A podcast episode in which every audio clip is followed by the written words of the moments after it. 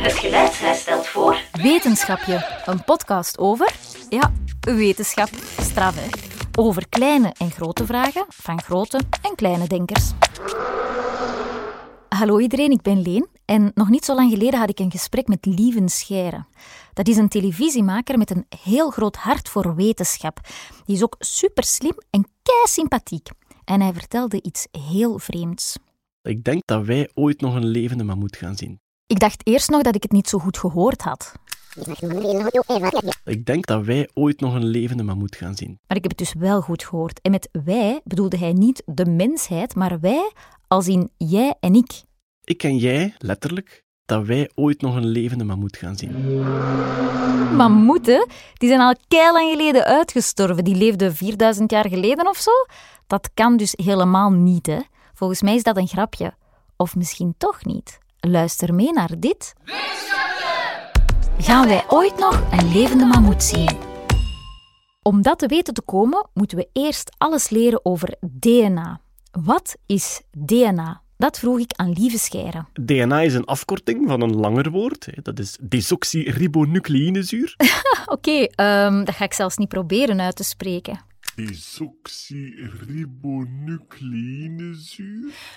Allee dan, hier gaan we. Desoxyribonucleïnezuur.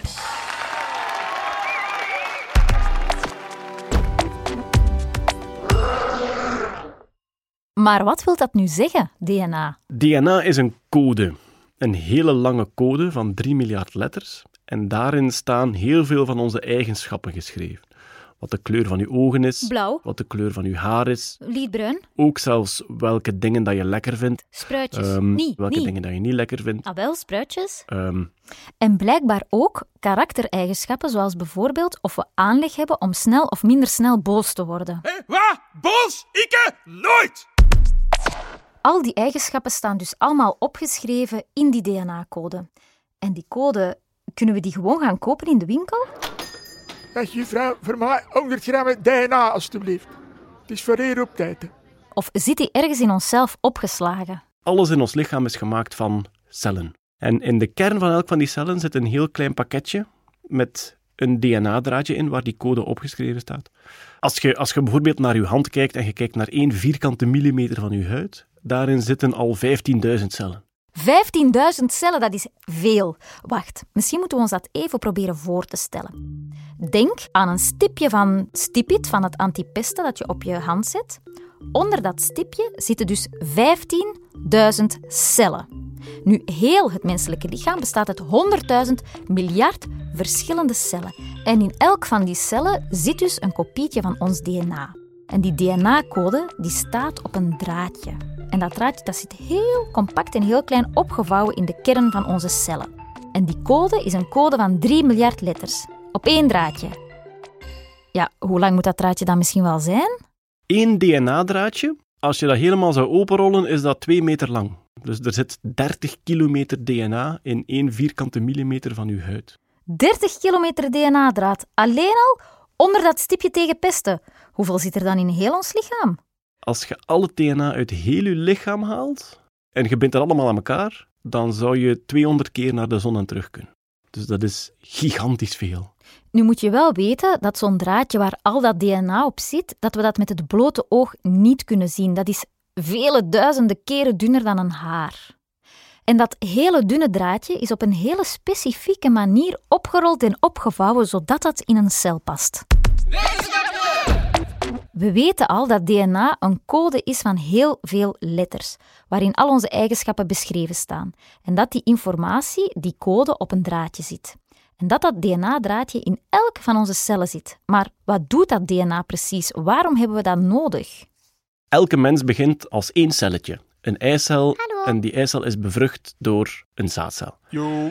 Stel dat er geen DNA was, dan kon dat celletje niet veel doen.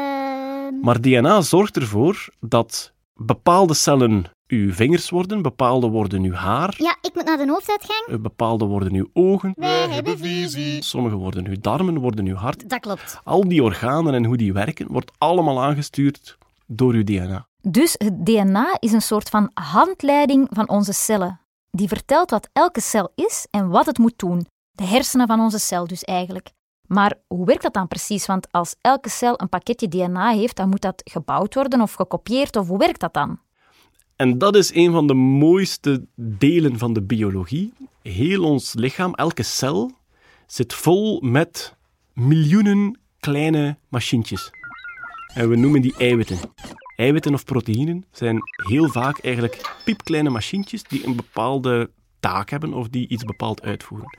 En er zijn dus van die eiwitjes die een DNA-streng vastnemen en die dan letter voor letter aflezen en nabouwen.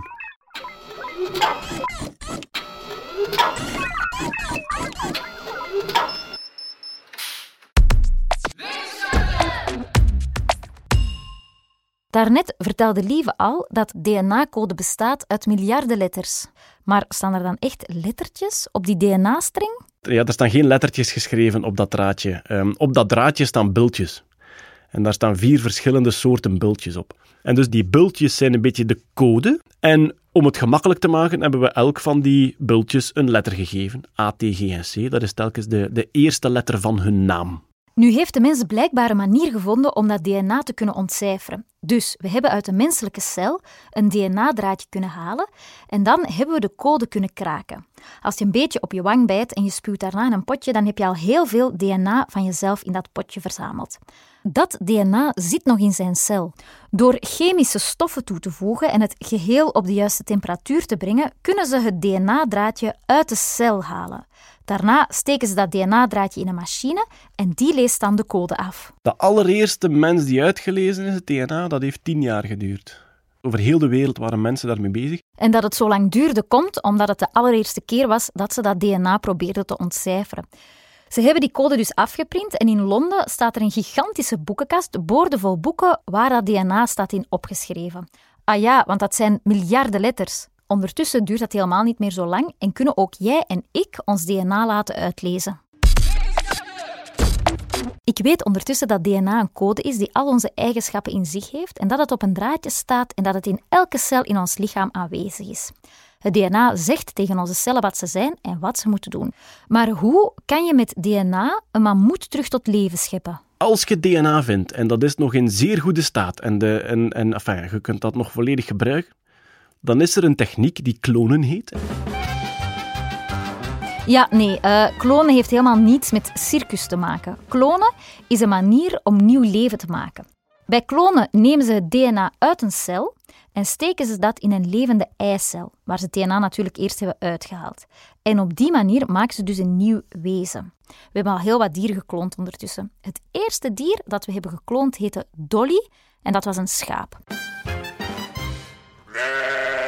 Als we nu zo'n mammoet willen klonen, dan hebben we natuurlijk het DNA nodig van een mammoet.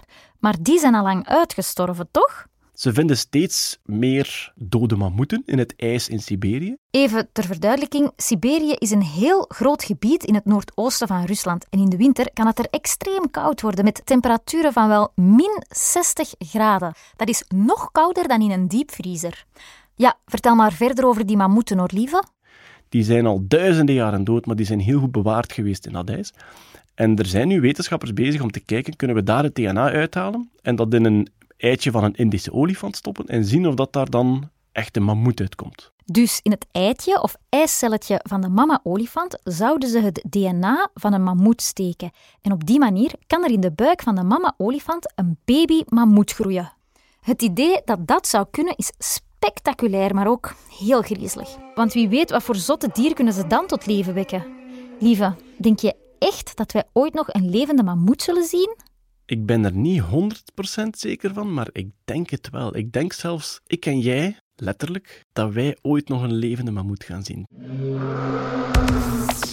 Mocht jij nog een vraag hebben, stel ze gerust aan leen.geluidshuis.be. En wie weet ga ik wel op zoek naar het antwoord. Dit was Wetenschapje met Lieven Scheire als DNA-kenner. Wetenschapje is een productie van het Geluidshuis.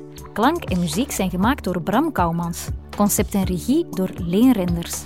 Met extra hulp achter de schermen van Katarina Martinowski, anders met Pieter Jan Vinks en Koen Brandt. Heb je genoten van deze aflevering? Geef dan een score of laat een recensie achter. Zo vinden anderen ook de weg naar deze podcast. Op wetenschapje.be vind je meer info en onze andere producties zoals de Heerlijke Hoorspelen. Dag wetenschappers, tot snel. Zeg Bram, doe jij nog even het licht uit? Oké, Leen.